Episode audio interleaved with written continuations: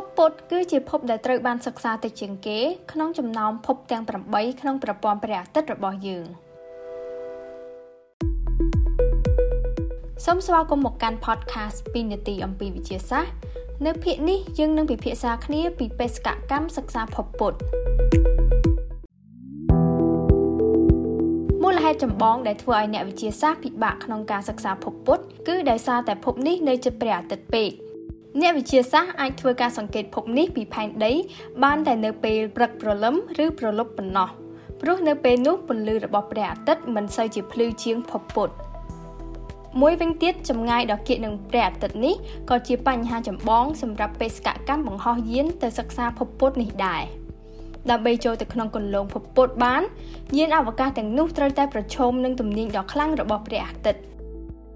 រហូតដល់បច្ចុប្បន្ននេះមានតែបេសកកម្មពីរប៉ុណ្ណោះដែលត្រូវបានបង្ហោះដើម្បីសិក្សាភពពុទ្ធបេសកកម្មទី1មានឈ្មោះថា Mariner 10 Mariner 10គឺជាបេសកកម្មសិក្សាភពពុទ្ធដំបូងរបស់ NASA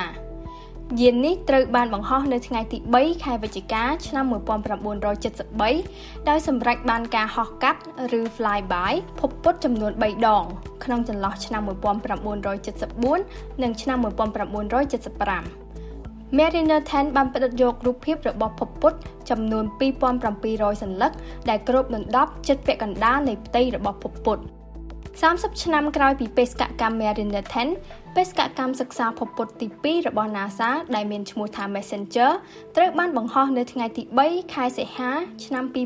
2004 Messenger ជាយានដំបូងបង្អស់ដែលសម្រេចបានការហោះជុំវិញគន្លងរបស់ភពពុទ្ធ